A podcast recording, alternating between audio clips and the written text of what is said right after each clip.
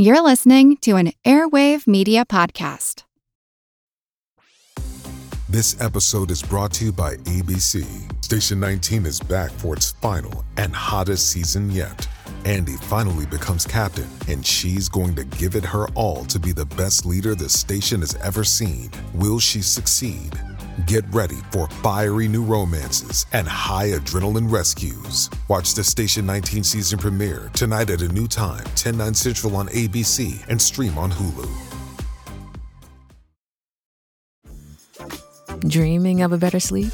Tossing and turning is not your destiny. And Olly is here to help. Olly invites you to sink into sweet, sweet slumber to improve your mental and physical health and overall wellness. More than just melatonin, Olly's ingredients help you unwind your mind for a delightfully dreamy drift off.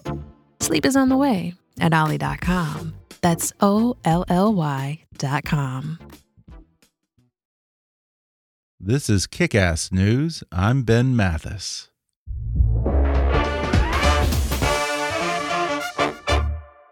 Kick Ass News is brought to you by Capella University. Are you considering a doctorate to help you lead at the top of your field and contribute to your profession in more meaningful ways? Capella University can help. With flexible online degree programs and scholarship opportunities for select programs, Capella can help support your goals from beginning to end. Learn more at capella.edu/kick. And now, on with the show. Hi, I'm Ben Mathis. Welcome to Kick Ass News. In 2017, writer, director, producer, and supermom Jeannie Gaffigan's life came crashing to a halt when she was diagnosed with a life threatening brain tumor. The mother of five kids, six if you include her husband, comedian Jim Gaffigan, she sat in the neurosurgery department in star covered sweatpants and wondered, Am I going to die? Thankfully, Jeannie and her family were able to survive their time of crisis, and now she writes with humor and heart about the pear-sized brain tumor she had removed, the toll it took on her enormous family, and the priceless lessons she learned along the way. Her book is called When Life Gives You Pears The Healing Power of Family, Faith, and Funny People. And today, Jeannie Gaffigan joins me on the show to talk about it. She shares how she went from a perfectly normal life to being rushed into surgery over the course of an Easter weekend, why things got worse just when she thought she was in the clear, and how she learned that laughter truly is the best medicine. Then she reveals how she and Jim write comedy together, talks about Jim's surprising swagger when he first began romancing her, and how she finally knew that he was the one. She also says that she and Jim decided to end the Jim Gaffigan show after only two seasons because they wanted to spend more time with their real family instead of their TV family. And she describes how her medical scare brought her family even closer and taught her to appreciate the small moments in life. Coming up with Jeannie Gaffigan in just a moment.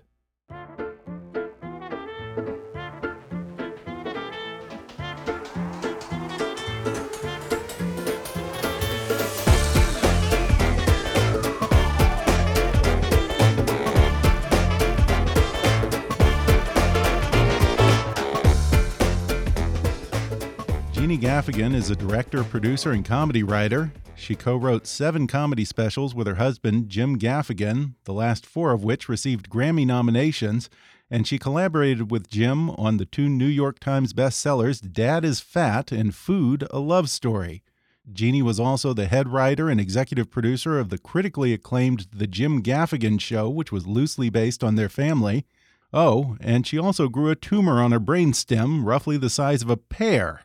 Now she writes about the experience in a new memoir titled When Life Gives You Pears The Healing Power of Family, Faith, and Funny People. Jeannie Gaffigan, welcome to the podcast. Thank you so much for having me, Ben. Well, Jeannie, I've had your husband Jim on a couple of times, and it's just so great to finally have you on because Jim's family life is so essential to his act. I'm excited to get the other half of the dynamic duo here. Let's be honest, you never really know about a family until you get the woman's perspective, do you? Well, I'm hoping that in, some of my perspective might shine through a little bit in the um, the writing, mm -hmm. um, but I think that um, it I am kind of like someone who's used to being behind the scenes, so it's it's pretty ironic that it uh it took a medical crisis to get me out of the uh the Yeah. shadows. Yeah, you've written for Jim and in Jim's voice for so many years. What was it like to finally get to write for and as yourself in this book? Well, it was a very new um, experience for me, but it was just kind of something that um, was uh, so personal. I couldn't be like, you know, Jim, the time that you had a brain tumor, how did you uh, feel? But at the same time, I mean, everything we do, we do it together. It just this time was um, really, I had to kind of put together for myself the chronology of what happened because it just happened so fast. And the next thing I knew, um, you know, I had uh, people approaching me wanting to hear the story. And I was like, I don't even remember what happened. And so it was important for me, both from a um, therapeutic, um, like a coping strategy, and um, just also to make sense of my life, um, to be able to like express myself in this way. Let me ask you this, Jeannie. When you're writing for Jim's stand up specials or co writing a book like Dad is Fat, how do you write in Jim's voice? Is it just that you've been around each other for so long and have so many of the same shared experiences that it sort of becomes innate, or what? during the um the Jim Gaffigan show, um, as opposed to when I've been, you know, in the background producing the specials and like tagging Jim's lines and writing in Jim's point of view. Um, for for instance, in Dad is Fat, um, it's not my perspective, but I collaborated heavily on that book as Jim. You know, I was mm-hmm. like, and then you would do this or you think this because I understand your voice because we've been together for so long in the show, there was a character named Jeannie Gaffigan and there was the female perspective. So we did have that sort of, you know, I, I had an outlet before to have it to present the, the Jeannie Gaffigan point of view mm-hmm. with the, the, you know, sort of the foil to Jim's kind of, you know, overeating and laziness. And I was the kind of the type A who was, you know, who was more, you know, food conscious and um, mindful Right. about things. And so that's a, a good, was a good dynamic. But in Right. this sense, this was just me. Yeah, and in the book, you actually say that you were initially hesitant to marry Jim for fear that you would lose your own identity and just be subsumed into his career. From what I can tell, that hasn't really been the case. You two seem to have a terrific working relationship and you've sort of risen together. I mean, I think that the the story of our partnership is really, um, you know, a, a, a whole another story. I mean, there could be a, Mhm. a, a whole book about the you know the ups and downs of being, you know, having a huge family and and being separated from um, each other for extended periods of time. When I was and I had the two babies, and I all of a sudden I wasn't traveling with Jim anymore, and I had to take more of a um, you know, a remote producer role in a lot of the um, the collaboration. Um, but this this relationship started as an artistic collaboration, even when we were in two different worlds. So we always collaborated, and I think that our work ethic, um, even though they were towards different things, were, was something that like we saw in each other, and we understood that the work didn't have to be something that like drove a wedge between our relationship. That it would be something that we could share in a relationship, which is very uh, unique. The kind of uh, difficulty in the beginning in the collaboration is that Jim was already writing very tight comedy, and he had his comic point of view pretty developed. And I never was like, I want in on the comedy writing. it just sort of happened Really? because he was, and this is going to date, you know, us and how long ago this was. But I remember one day he came in to my apartment. I was my my uh, sister was my roommate, and he came over and he said, you know, he had a CD in his hand, and he was like, Rich Voss produced his own CD. He put out his own CD, and he's like, I want to do this too because this is so cool that people are putting out their own CDs and selling them after shows. So this is like, that's how long ago it was. Like, This must it have was been like in the 90s, huh? 2000, 2001, yeah. Okay, do that. Um, yes, it was about 2000.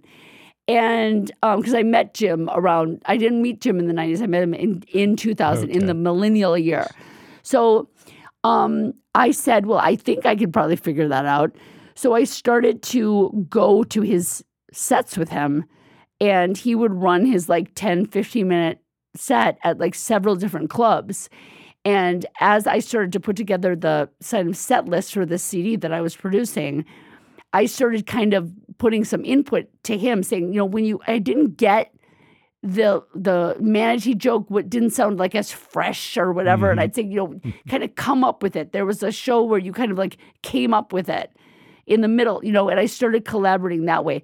He wasn't like can you write some jokes for me? Ever. He was he was very close to the vest and he was like yeah that's i'll take that with a grain of salt. Thanks a lot.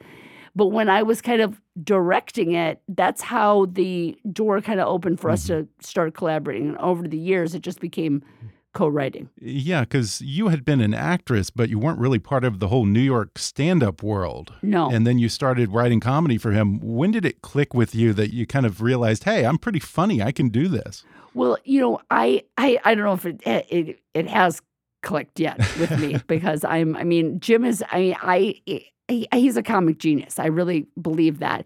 Um but just like like I learned a lot from Jim because my comedy writing and also I was comedy writing because I wrote for a sketch group. I just didn't write stand up. But it's a completely different art form and I'm more of a storyteller. Like my Mhm. kind of skill in, in comedy writing is in like long form stories. And Jim is a wordsmith.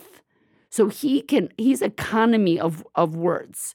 So he has kind of these big ideas and he has a real he's a, a wordsmith, if that's the the best way I can I can put it.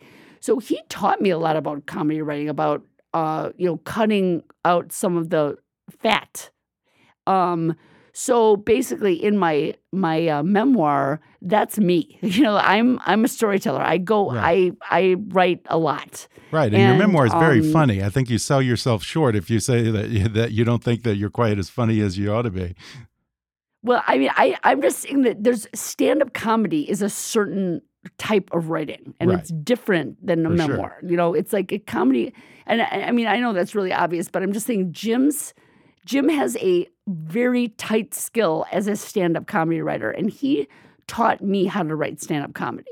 Mhm. Like I I'm I might have a witty way of expressing myself, but he has the kind of cadence uh, you know, he's very skilled at this the the the setup punchline callback. Like he just has a very uh, precise rhythm Mhm. to his um, joke telling, Mhm. and I'm more of a storyteller. So that's. But then we can collaborate, and and um, I can add details to his, um, you know, co- his point of view, and he can add. Um, he can make my like uh, rambling more concise. Yeah. So it's a pretty cool partnership. Another aspect that I found interesting in this book is the love story between you and Jim. I mean, I had no idea that Jim had this kind of swagger. He's surprisingly smooth, dare I say romantic, huh? Tell us about how y'all met. I mean, it was really surprising.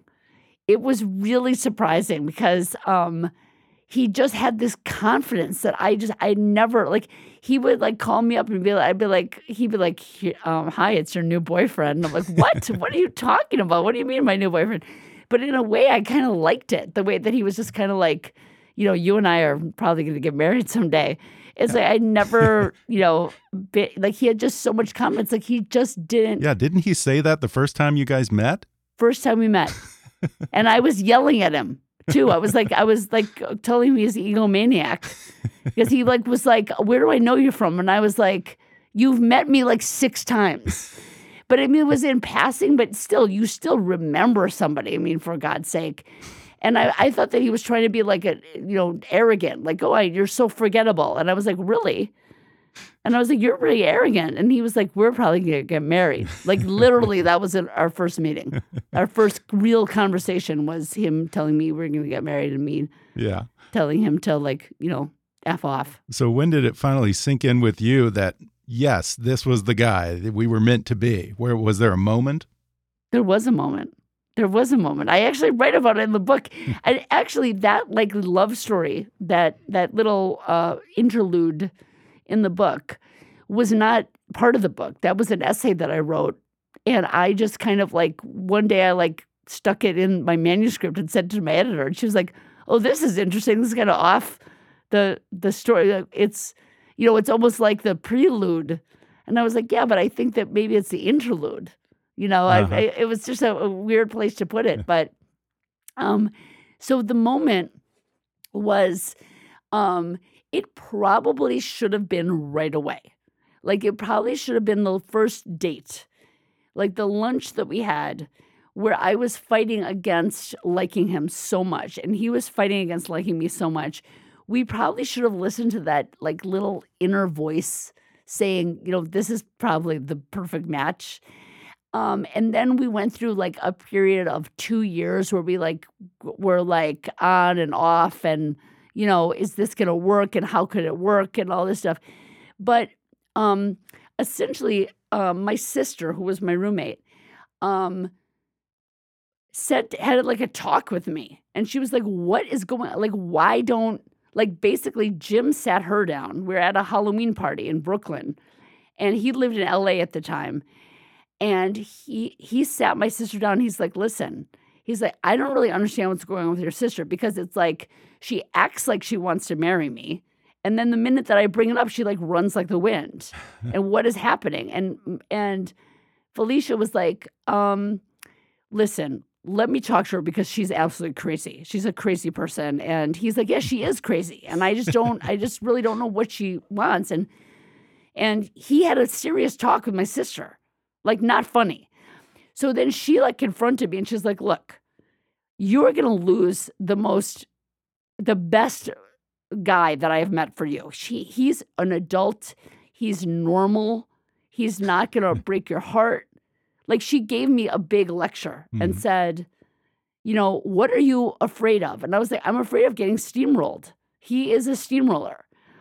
And I'm a steamroller, and I'm afraid that this steamroller is going to steamroll this steamroller. hmm Again, So- it's that that fear of uh, getting sub, sort of subsumed into his whole being and his whole career and all that, right? He was way Yeah. ahead of me. Mhm. Like his his thing was already his his uh ship was sailing.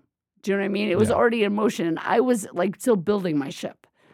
So I felt like if I get married to this guy, it's going to be the end of my life. And when I actually went talked to a therapist about it, I'm like, I don't know why I'm so scared of this guy. And she told me to close my eyes. And she said, Picture yourself in five years, in 10 years. Is Jim there? And I was like, Yeah, he is there. He really is there. Like, I love him and I will have, I, no matter what happens to him or to me, I will enjoy my life if I'm with this guy. Mhm. And so it should have I it should have occurred to me 2 years earlier than that. but it was like someone finally had to be like, "Look, you you you got to see what you have. You have to look see what you have. Like don't just look keep because if you keep waiting for the perfect man to come along, you're going to be in the grave waiting for the perfect man. Well, it seems to have worked out well. We mentioned a moment ago what a great working relationship you two have and how you work together on the Jim Gaffigan show for TV Land. I have to say, I was such a huge fan of that show. There just aren't enough sitcoms these days that have that kind of warmth and heart in addition to all the comedy. I was really sad to see the show end, and I kind of assumed that it had just uh, not been renewed by TV Land. But I guess you say in the book that wasn't really the case. It sounds like you guys had a more personal reason for ending the show.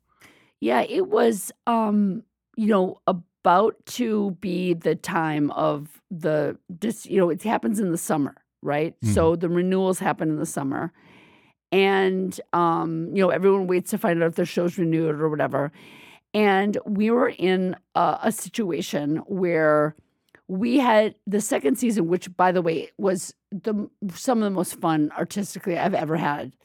And it was an amazing uh, you know, artistic collaboration between Jim and I and creative uh, freedom. It was just really great. But the balance was a way off because we had we have five kids. And you know, things happen with kids. They get sick or someone, you know, teacher thinks they might have like dyslexia. Like things happen and you're like, "What what I'm not I'm sorry, I can't leave the set." And it was both of us, both executive producing, him in every scene almost, me behind the camera for everything. Um, you know, at you know, having getting calls from the school about a kid having like strep throat and having to send an assistant to the doctor with the kid because I couldn't leave the set. And, you know, I do believe that it's possible to do it all. And I think that, you know, women always try to do it all, you know, and I think it is possible to do it all. I just don't recommend it because it's not good for you. It's just not Yeah. good for your to split, you know, to to to be the jack of all trades. And the thing is, is that both of us, one, eh, when you're in a partnership, like w- the way that we've made five kids work is that, you know, at a certain point, he- Jim went on the road and I stayed home with the kids because I couldn't bring a newborn baby and a toddler to the dirty green rooms of the improvs across the country. so, you know, we you make sacrifices for each other. And Sure. when we were on the the set, it was it, there was no other parent. There's not a number number three parent. It wasn't like Big Love where Jim could just take another wife and you know. Right. So um yeah, so we were all, we were really in a crisis situation, and Jim said, "I think that we should just be happy with what we've done. Mhm. We should go to the next step, and we have to get." You know, the network executives on the phone before they renew us you know, because it's like, you know, it was a it was a hard show, it was an expensive show. It was, Mhm. you know, it was like it wasn't like they were like down on their knees like begging us to do, you know what I mean? Like it wasn't it wasn't canceled or anything like that, but it was going to be renewed. There's no Yeah. doubt in my mind it was going to be renewed because yeah, it was a great show. it, had, was a critically acclaimed show and like people loved it. And people in New York, I mean, you know, we used New, York was a character on that show. Right. And, it must have been a weird experience for you guys to be spending so much time with your TV family that is so closely based on your real family instead of spending that much time with your actual real family. You're yes, that's exactly the conversation we had. And then also the material for the show hmm was based on our observational comedy about our life with our children. Right. And you and I weren't at like, home we're ob- gonna run out of observing as much. material Yeah. when we're not spending time with our children. Right. Like we're gonna call our nanny and be like, anything funny happened today? Well, uh, is it fair to say that if you had done a third season, you might not be around today? Because who knows if you would have been able to actually pause and find out about this pear shaped tumor that you ended up having? In my heart of hearts, I absolutely believe that there is no answer other than I would have I would not be here talking to you today. Really? because even in the last uh uh season 2 the last episode like the last week of filming not post but like the last week of actually being on the set Mhm. i sprained my foot and it was really swollen and really painful and all i did was ask a pa to go to the props department and get me a set of crutches I was like, I can't go to the doctor. I, you know, I'll just whatever. Like, I'll, you know, if it starts to turn like green, I'll, you know, maybe have call someone in. but it was like that level of, you know, working 80 hours a Mhm. week. You know, it was like very intense, you know, and also my kids did come to the set. Like, we would have the uh, babysitters like pick them up at school and come to the set because I'm like, if I don't, if they don't come to the set, to have dinner with us, I'm not going to see my kids today because when I left, um, they were asleep. And when I get home, they're going to be asleep and they're not going to remember me. so we did see our kids, but it just wasn't engaging Mhm. with them. Yeah, I imagine that it must be difficult too because here you are, you're just kind of consumed with just the mechanics of trying to keep everyone on track and on schedule with five kids and a husband. That I imagine that it's possible that you can sort of become blind to the meaningful everyday things and those little moments of personal connection because you're just trying to keep the ship going. Yeah, well, that's what I learned when I moved my office home because mm-hmm. we didn't stop working. Like we started working on a comedy special right away. So I was still, you know, very busy and, you know, with the five kids. And I think that I was like, I'm going to spend more time with my kids. And I kind of made a list of how I felt that I should spend time with my kids. But it wasn't until I, my, I my life was interrupted by this brain tumor, and I had a lot of time to like lie in the ICU and stare at the ceiling and think about my life and not be able to eat or talk or breathe on my own and be pretty immobile. Is that I had this time to like go into this like inner monastery really Hmm. and like look at my life and and realize that all I had done by leaving the show to spend more time with my kids was just become instead of the showrunner of the Jim Gaffigan show, I became the house runner of the Jim Gaffigan household. so, you know, I treated like my life as if it were a production. I was Mhm. like, okay, you know, when people had to get like new clothes for school, I'm like, okay, it's a wardrobe fitting. you know, I mean, I, I'm being Yeah. funny now, but it's like, it's like I was I was more caught up in the production of the family Mhm.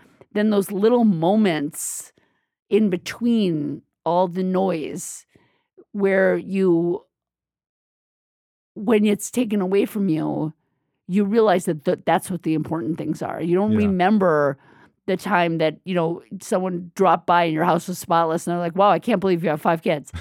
You remember the times where you know there's you find like homemade slime stuck to the bottom of your kitchen table.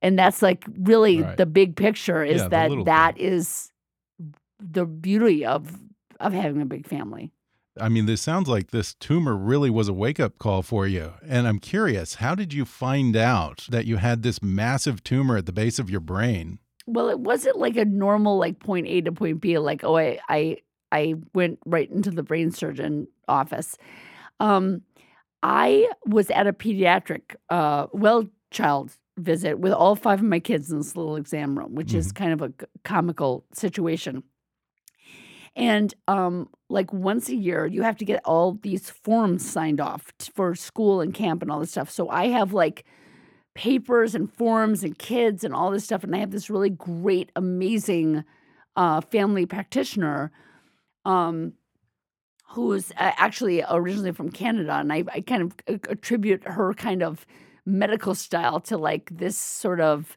you know, home visit type of like uh, doctor. Um, you just feel like you're in, you know, you're in her house. Mhm.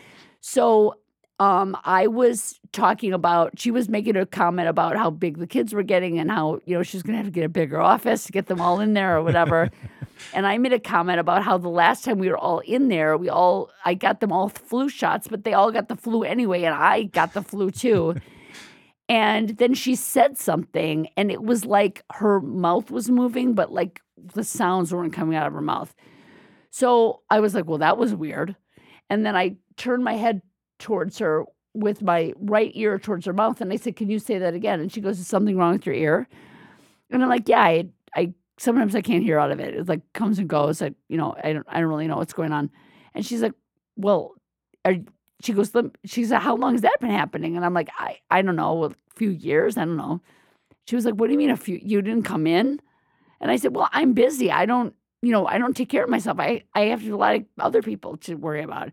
So she looked at my ear and she's like, It looks fine to me. She's like, I I'm gonna write you a referral to an ENT. So I'm like, oh, another appointment, okay.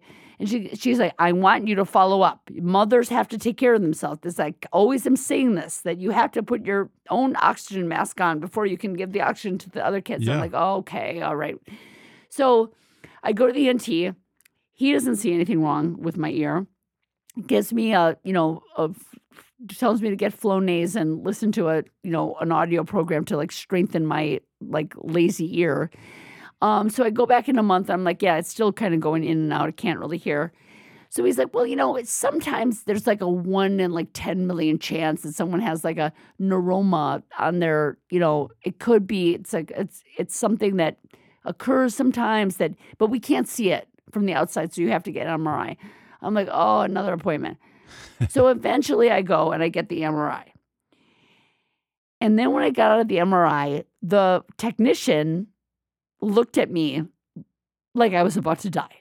And I know they're Oh, not wow. supposed to say anything, but I could tell that his demeanor changed so dramatically when I came out. And I wasn't even thinking, I was like ticking off the to do list. Like, I wasn't thinking, like, you know, there's going to be another follow up after this. I was like, I'm doing what, you know, Dr. Hobbs told me to go to the doctor, so that's what I'm doing. So check. and I saw the look in his eyes like he's, you know, it was different. And I was like, well, that was really weird. And I went out to the waiting room and I was like, okay, uh, do I need to like copay or what's happening? And they're just like, sit down, your doctor's gonna call you. And I'm like, what? Because I was at a radiology center, I wasn't in a hospital. So I sat there for like 45 minutes and I was like, wait a minute, my doctor's not gonna call me. That's not what so I went up to the, the uh, receptionist and I said, you know, I I'm I I wasn't told to wait here by my doctor. Like I I think there must be some kind of mistake. So eventually I just left because I was like, but I had this weird, creepy feeling like something was wrong. So I went I went back to the office and Jim and I were working on something as usual. And, and I said, you know, I have this really creepy feeling like and he was like, You got an MRI for what? I'm like, Oh, it's a long story. I didn't even tell him that I had an MRI. So about an hour later, my ENT calls me and is like, um, hi, um, so um, you know, funny thing is that the uh MRI revealed that you have a mass in your brain. And so it's not your ear. So um, I'm going to just refer you to a neurosurgeon. And I was like, what? And he was like, yeah, I, this is kind of outside of my wheelhouse. So I'm going to recommend some really great people to you. But I mean, at this point, it's not your ear anymore. Um, and I said, neurosurgeon. I was like, what, what, what was a neuro, why a neurosurgeon? He goes, well, you know, normally I would say neurologist, but I mean, I, I just think the neurologist will just refer you to a neurosurgeon. And I was like, well, what is the neurosurgeon going to do about this mass in my brain? And He's like, well, I could imagine that they would probably resect it. And I said, well, what does resect mean? And he said, remove. And I said, but isn't it in my brain? And he's like, well, you know, I just, I, why don't you just get, make the appointment? And, and, you know, sometimes these things are, you know, not as bad as it seems. Like people have things, and I'm, I was like, uh, okay. And like that's how I found out I had a mass Wow. in my brain. I didn't hear Wow. tumor. I didn't see it. I didn't. I I didn't know. And the next like 24 hours was basically spent. Like this is like kind of the mystery and the suspense in the book Yeah. and the adventure yeah. is that what was that period of time like for me when I was trying to advocate for myself and figure out what was going on with what was in my brain and how I was going to deal with it. Yeah, and it happened so quickly. I mean, basically, from finding out about the tumor to going into surgery, it was over like a long holiday weekend, Easter weekend, right? That's right. That's right. Not a lot yeah, of I think to I had the MRI on Tuesday. Wednesday was kind of like me looking for someone to like help me. Thursday I found the neurosurgeon. Friday was scanning. For, uh, Saturday and Sunday were Easter weekend. It was off. When it was like the best Easter weekend I ever had in my life with my family. And then I went into the hospital on Monday and had brain surgery. Wow. And uh, when Yeah. you woke up from surgery, it seemed like everything went well. You were talking and you were lucid and so forth. And then you pass out. Next thing you know, you wake up in the ICU. Uh, what went wrong there? Well, the area where my, uh, like you said, the the surgery couldn't have been more successful. They saved all my nerves, which was like, you know, there were a lot of them were on the chopping block. Um, facial nerve was, you know, in jeopardy. You know, there was a lot of talk about what kind of person I would be when I woke up and what kind of um, how I would be able to function. Um, and when I woke up, everyone was extremely happy about the way the surgery went, and I, I, you know, was thrilled. And I passed out because I was still drugged. You know, I just I couldn't stay awake. And somehow within that sleep that I had, because of where the tumor sat on my cranial nerves, my speech and my swallow function got all mixed up and I breathed in my saliva. Basically, is what happened. I aspirated, and the my lungs filled up, and I developed um, bilateral pneumonia, which um, was extremely dangerous and severe. And um, I woke up and I was on breathing tubes and lots of tubes coming out of me, and people were very worried. And um, I, you know, it was very difficult for me to breathe. um, even with the intubation. And I had a high fever. It was bad. Wow. And what was the hardest part about being in the ICU? Um, I think the utter deprivation, the not eating, n- drinking, seeing my children. It was, you know, it was a, I mean, I didn't really feel like a a human being. Um, you know, it was like uh, you sleep for like five minutes at a time, and then you know, I would wake up and think it was the next day, and it was like ten minutes later, Hmm. and it, it just it seemed like every day was like five years. It, it, it was it was a very very challenging experience for me to be in that uh, to be in the ICU with the with the pneumonia. hmm You know, Jim refers to you as the Shiite Catholic, and I know your faith is very important to you. And you say that God spoke to you while you were in the ICU. What did he or or she say to you? I um oh very politically correct of you. yes. Um I do you know that reminds me I do refer to God as he in my uh uh book and I never thought of it that way because it I I mean it's like I don't really think of God as like a a you know a man with a beard and the way that people it's just like Right. this all encompassing force. Right. Well, this is the post times up God. Yes. And um I went in that in that situation when I was um you know at my in my darkest hour as they say. Um I went to a really really bad place. You know where you I like I never understood when people were like, "Oh, just pull the plug on me." But it's like I almost understood that. Really? You know, it was like I was like I can't imagine living my life like this you know because i couldn't like i i you know talk about like you know se- separation of families right it's a real thing it's like when you don't see your kid i mean if you're used to seeing and having you know loving uh relationships with people and then you're just like this you know fragile like shell it, it was you know it was just day after day of like suffering and i wasn't really prepared to mentally handle it because there was no reprieve for a while.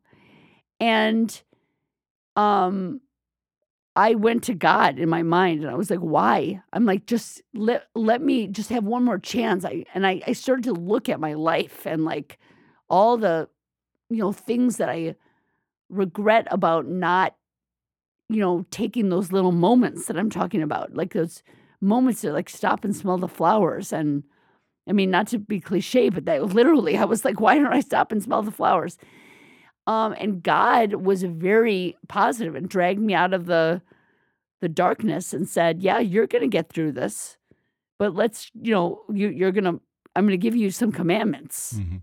you know, I really felt like I had my own personal commandments. I had like the God was like, listen, you need to worry about yourself and how you conduct yourself and stop worrying about controlling everyone else. Let go of your ego. Yeah. You're never going to be perfect. Your kids are going to be fine without you micromanaging them. You know, it was like a very clear perspective of my life. And I just knew that I was going to get through it and I was going to come out and I was going to be a different person. Yeah. And I knew that I was still going to be crazy type A Jeannie and still be, you know, need to work all the time and stuff like that. But I was not going to let that work run me. When you were living through all of this and just sitting there in the ICU, were you already thinking about writing about it?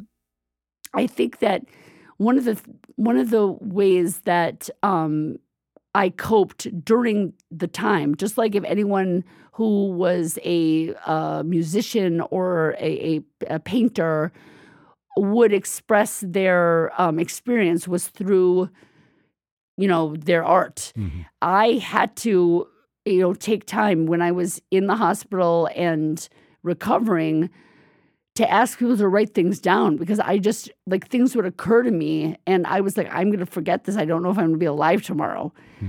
So when I was putting together the chronology as I was explaining before of like what exactly happened how did this happen where did i first start getting the symptoms what about who i was before influenced the way that i reacted to this um, and actually putting together in the form of a, of a story to share um, i had all these notes and drips and drabs and poems and writings and lists and things that actually were being produced by me while i was really on death's door so wow. I had the opportunity to interview the sick me, which was a really neat thing.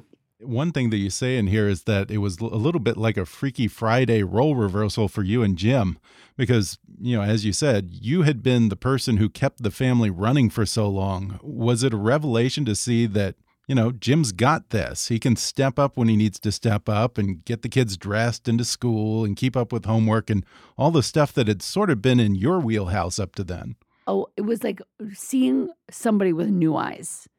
And it wasn't only that because you know, caregiving and taking care of kids and getting everyone dressed and brushing teeth and uh, you know all that kind of stuff is is really not in Jim's wheelhouse. And it might have been a little bit messier. The house was, you know, there were. It wasn't, you know, Jeannie Gaffigan style uh, parenting, but he did it. It was fine. He did it fine. Now, they say that laughter is the best medicine, and Jim kind of took it upon himself to be your personal court jester when you were finally able to move back in for home care. How important was having a sense of humor to your recovery? Having somebody funny to help me along with that recovery was like, I mean, there's nothing like the endorphins of, you know, that joy it produces. And if you have someone that can actually produce joy, it's it, it's healing. It it helped me heal, and I really understood and talk about faith. I really understood why God designed Jim and I to become a couple. Really? And it's yeah, I, I it's like it, it was so obvious to me that it was like we're the we're perfect for each other. Mm-hmm. And if I didn't have Jim during this crisis, like I don't know if I would have been able to heal so well. Yeah. Because he got me through some of the most depressing times um with his up his his comedy and his perspective and his ability to look at the world differently. Mm-hmm. And so I'm I just I'm grateful every day of of uh that that if I if life was going to give me pears, that I was had all these people yeah. to help me make pear aid. Yeah, and, and, Jim had really kind of dropped everything to deal with this and stepped up to the plate. Uh, how did you know when it was finally time for Jim to start touring again? Um, you know, I just I felt like I had everything sort of covered. I my brother and his wife moved into our old um, two bedroom apartment of Dad is Fat fame and of the Jim Gaffigan show fame, which we had moved to a bigger place. But I couldn't let go of that apartment. So I rented it out. And when I got uh, sick, I had all these family members on couches, and we already are, you know, kind of bursting at the seams in my new apartment. And it was just so happened that that uh, apartment was between leases. It was vacant, and obviously, I was not, you know, in any position to like be a real realtor for that apartment.